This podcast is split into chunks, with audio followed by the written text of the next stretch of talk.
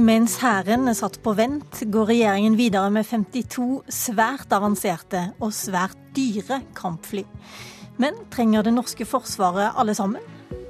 Og stemmer det at krig er for viktig til å debatteres i Stortinget?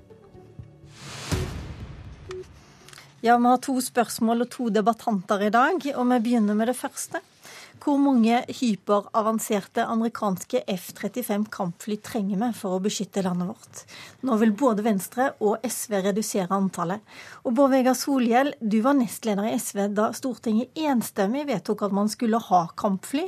Og hvorfor vil du nå ha 42 fly og ikke 52, som planen har vært hele veien?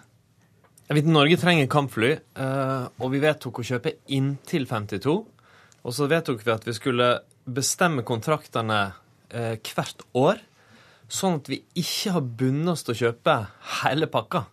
Så det vil si at vi helt legalt og innenfor det vi har beslutta, kan bestemme oss for at nei, vi tar litt færre enn vi hadde tenkt. Og det har skjedd to ting som gjør det viktig. Det ene handler bare om økonomi. Vi ser store behov i andre deler av Forsvaret, Sjøforsvaret og Hæren. Der det er ganske liten reduksjon i antall kampfly kan gi rom for store og viktige satsinger der. Eh, og det andre er sikkerhetspolitikk. Og jeg er veldig opptatt av at vi må ha et forsvar som er, har en selvstendig evne til å forsvare oss mot alle typer trusler. Og nå risikerer vi å sitte med ja, Rolls-Royce eh, i kampfly, men en folkevogn, og ikke et vondt ord om folkevogn, men likevel i resten av Forsvaret. Og da tror jeg det er bedre å gjøre litt mer for de andre delene av Forsvaret med de truslene de skal til, og kjøpe noe færre kampfly. Det er snakk om 270 milliarder kroner. Det er den største investeringen i Norge, noensinne. Hva vil du bruke de der pengene til? Altså Det du sa, det beløpet altså, der, det er jo den såkalte levetidskostnaden. Altså det er det som koster koste i hele perioden. Ja. Og så er det klart at det er akkurat det det koster å kjøpe dem, det er en god del mindre. Men 70-80 milliarder er jo penger, det òg. Og eh, først og fremst så vil jeg bruke dem på å ruste opp hæren vår, som er veldig liten så kan vi kjøpe kystvaktfartøy tidligere. For en sjøstat som Norge er det enormt viktig å ha mange og topp moderne kystvaktfartøy. Og regjeringa har òg eh, varsla at de vil kjøpe fire nye ubåter istedenfor seks som vi har i dag, og som det faglige rådet er. Det er en annen mulighet. Men kanskje viktigst, vi må ha penger til å drifte flya. Og det jeg frykter, er at det spiser seg sånn inn i driften at det ender med at vi kutter på det letteste, nemlig at vi flyr de mindre. Vi planlegger å fly de mindre enn danskene sine samme fly. Og da er det kanskje bedre å ha noe færre, men å bruke de mer. Ok. Ine Eriksen Søreide, forsvarsminister. I morgen så drar du til Andøya. Det er et av de stedene som skal, forsvarsanleggene som skal bygges ned, som skal legges ned. Og der er de fryktelig lei seg. Hæren føler at de er ikke blitt sett godt nok i denne forsvarsplanen som du la fram på fredag. Kan du forsvare hvert eneste ett av de 52 flyene? Jeg tror det er viktig å begynne i riktig ende her. Eh, for det første så har vi Det var vi... det jeg følte jeg gjorde. Ja. Men da skal jeg svare ut fra det jeg mener er en viktig presisering, nemlig at vi kommer til å legge mye vekt på og mye penger på å øke den operative evnen til Hæren veldig tidlig. Fordi vi etter mange år med tæring på beredskapsbeholdninger, reservedeler, ammunisjon, har kommet i en situasjon hvor Hæren ikke har den operative evnen den burde ha. Og det er en topprioritet for regjeringa. Og så har vi satt av store investeringsmidler til Hæren, men vi ønsker å sikre oss at vi investerer på riktig måte. Men eh, hærsjefen er jo en av de som faktisk har sagt at man må diskutere antallet fly. Så mener jeg det er viktig når vi diskuterer spørsmålet om antall fly, å holde ting fra hverandre. Fordi den antallsanalysen som ligger til grunn på 52 fly, den er nylig oppdatert, og den er bekrefta. Og det handler om at fly, kampflyene våre de skal jo ikke operere aleine. De skal både operere sammen og sammen med andre forsvarsgreiner. Og det er det som er noe av kompleksiteten når man lager en sånn langtidsplan for Forsvaret som vi nå har gjort. Det er at verken eh, ubåter, kampfly, stridsvogner eller andre kapasiteter virker jo aleine. De virker sammen. Og det er det som gir forsvarsevne i Norge. Og når vi har gjort den antallsanalysen som bekrefter det som Bård Bård Vegars regjering la fram i sin tid, så er det ut fra det at vi både skal kunne holde luftromskontroll, sånn at vi også beskytter land- og sjøstyrkene. Vi skal kunne operere sammen eh, med allierte. Vi skal kunne ta imot allierte forsterkninger.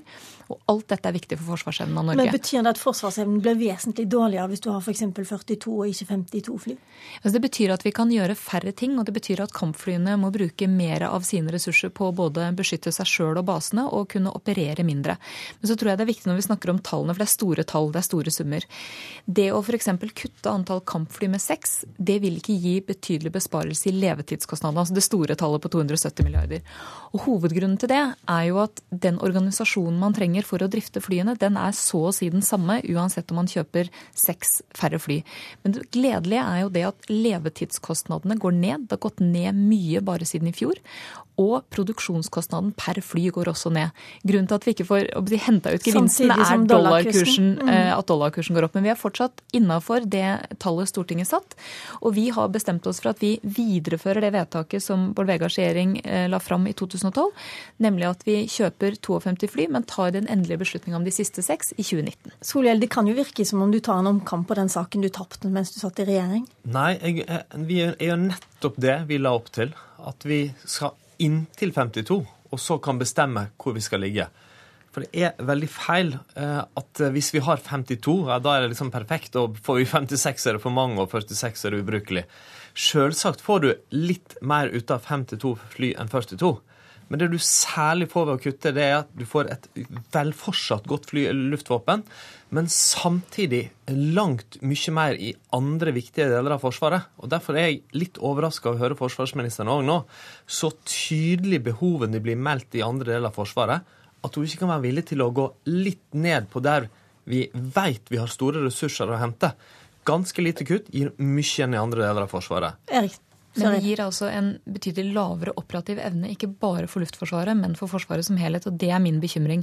Vi legger i denne langtidsplanen opp til, og det har Bård Vegar lest i helga, det er jeg klar over, at vi i 2020 skal ligge 7,2 milliarder kroner over det som var inngangen til planperioden. 165 milliarder kroner i et 20-årsperspektiv. Det er en helt historisk satsing på Forsvaret. Og det betyr at vi både kommer til å satse på Hæren, på Luftforsvaret, på Sjøforsvaret, på Heimevernet, på Etterretningstjenesten, som vi allerede har begynt på. Og det er fordi vi har lagt inn penger til å gjøre alt dette, men, at vi også satser på de strategiske men, kapasitetene. Men det er jo veldig rart da at det nettopp mange andre steder i Forsvaret, til tross for en ganske stor satsing, kommer så mye kritikk og ønsker mer. Jeg vet at det aldri er, nok til alt, men derfor la oss heller gjøre prioriteringene nå på de andre tingene som er viktige. Ikke la oss så, gjøre oss så avhengig av Nato og hjelp på andre områder. Er det utenlandsoperasjoner? Det er flere som har snakket, snakket om det. At disse flyene det er først og fremst viktig for å kunne delta i utenlandsoperasjoner. Det er det ikke. De er først og fremst viktige for forsvaret av Norge. Men de skal jo, som F-16-flyene, også kunne operere ute.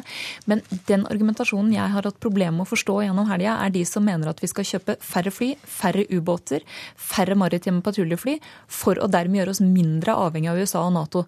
Altså, Logikken er jo helt motsatt. Det at vi investerer i disse kapasitetene sjøl, gir oss evne til å forsvare oss sjøl, ha situasjonsforståelse sjøl, og vi gir også viktige bidrag til Nato. Men eh, jeg har lyst til å skifte tema litt. Grann. Fordi at I løpet av de siste 15 årene så er norske tropper sendt i tre utenlandskriger. I Afghanistan, Irak og i Libya.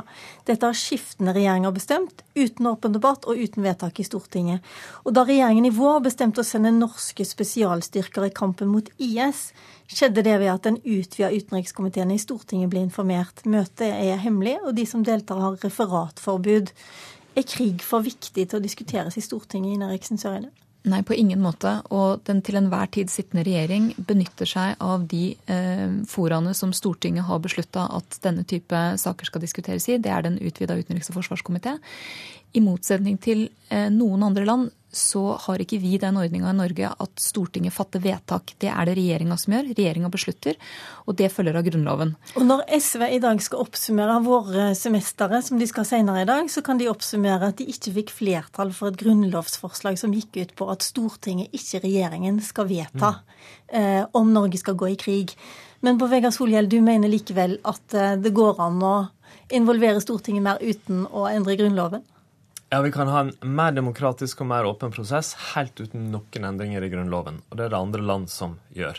Og Det er to store feil ved det vi gjør nå. Det ene er at det er hemmelig. Altså, Det som burde være aller mest åpent, hvorfor vi sender norske gutter og jenter ut i en militær operasjon, det diskuteres i et lite hemmelig møte i Stortinget, istedenfor at forsvars- eller statsministeren kommer til Stortinget, det holdes en debatt og gjøres et vedtak. Og det er viktig fordi da ville det skapt en mer offentlig debatt. Journalister kunne ettergått begrunnelsen. Historikere kunne i ettertid vurdert ok, står det her seg eller ikke.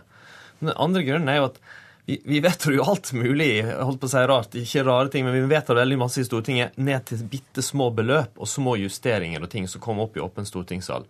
Men finnes det noe viktigere politikere gjør enn å beslutte om Norge skal delta i en krig? Jeg kan ikke tenke meg det. Og det er, veldig, det, har, det er feil for legitimiteten til sånne vedtak at ikke vi som er stortingsrepresentanter stemmer over det i åpen sal og senere må stå for det. Jeg snakka med Bjørn Tore Godal i går. Han leder evalueringen etter Norges innsats i Afghanistan. Han og utvalget tar nå til orde for mer åpenhet og flere debatter i Stortinget. Da, sa her. Vi har sett i Afghanistan at det er uh, til dels ganske svak måloppnåelse. Uh, mye ressursbruk militært og sivilt over 13-14 år.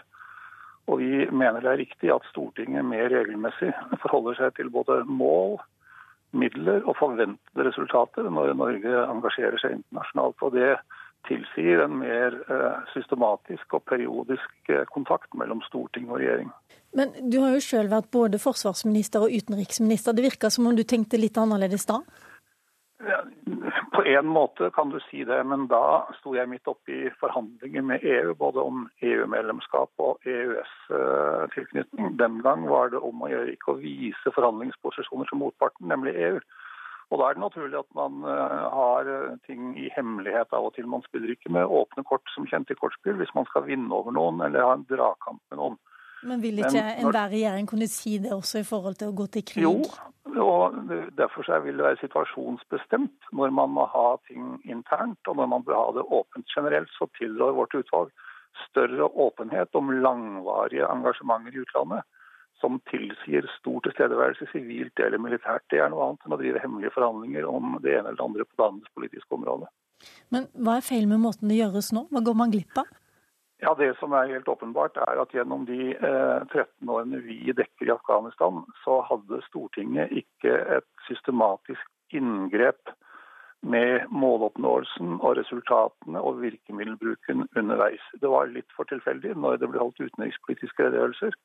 Eh, og så var det i realiteten eh, ikke en permanent eh, dragkamp mellom regjering og storting, som vi gjerne vil ha i et folkestyre. Ja, for å gjenta Godal, det er bra eh, for et folkestyre med en permanent dragkamp mellom regjering og storting, men det er kanskje lettest å si når man ikke sitter i regjering, Søreide. jeg det. Nei, jeg syns de diskusjonene og debattene er viktige og gode. Det er derfor også statsministeren har redegjort for det brede engasjementet vi har i kampen mot ISIL. Men så er Godal inne på noe viktig avslutningsvis, og det er nettopp at i noen sammenhenger så er det helt avgjørende å kunne ha konsultasjoner, som det heter, med Stortinget om ting som ikke kan gjøres offentlig av hensyn bl.a. til sikkerheten til soldatene våre. Det er det vi setter aller høyest.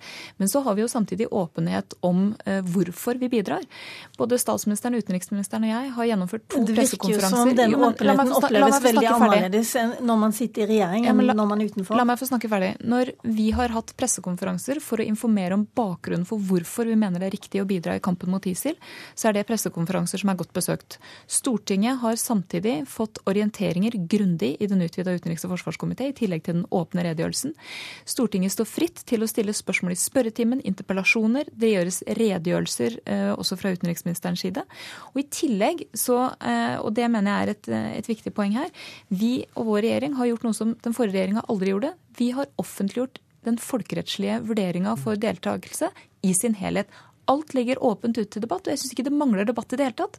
Jeg tror bare utfordringa for SV og, og noen andre er at ingen er enig med dem i sluttresultatet. Det er et ønske om at vi skal bidra, og det må ikke forveksles med manglende debatt. Man kan også spørre hvor, mange, hvor mye betydning det egentlig får at det sitter noen flere mennesker i stortingssalen og tar debatten der, framfor i media f.eks. Altså, det får i hvert fall betydning for mer åpenhet, og det tror jeg gjør òg oss til et bedre demokrati. Eh, og nå er det tidligere statsminister Bondevik, eh, leder, Godal, leder av Afghanistan-komiteen. Det er nok langt bredere enn SV-forsvarsminister som nå sier det her. Ganske enkelt fordi det vil gi oss et bedre politisk styring. Jeg aksepterer at de, det finnes enkelte situasjoner der noe er hemmelig, man må ta et møte, men ikke de store linjene som selve beslutningen. Uh, og jeg tror vi òg gjør en stor feilvurdering, fordi det å ta det ut vil skape mer debatt, og dermed gi økt legitimitet, tror jeg, for beslutningen i neste runde uansett hva resultatet skulle bli. Og Det er derfor vi har ønska å være så åpne som vi er også, om f.eks. deltakelsen i kampen mot ISIL. Der fikk du siste ord, Ine Eriksen Søreide. Takk til deg, og takk til Bård Vegar Solhjell. Programleder i dagens Politiske kvarter, det var Lilla Sølhusvik. Hør oss igjen i morgen.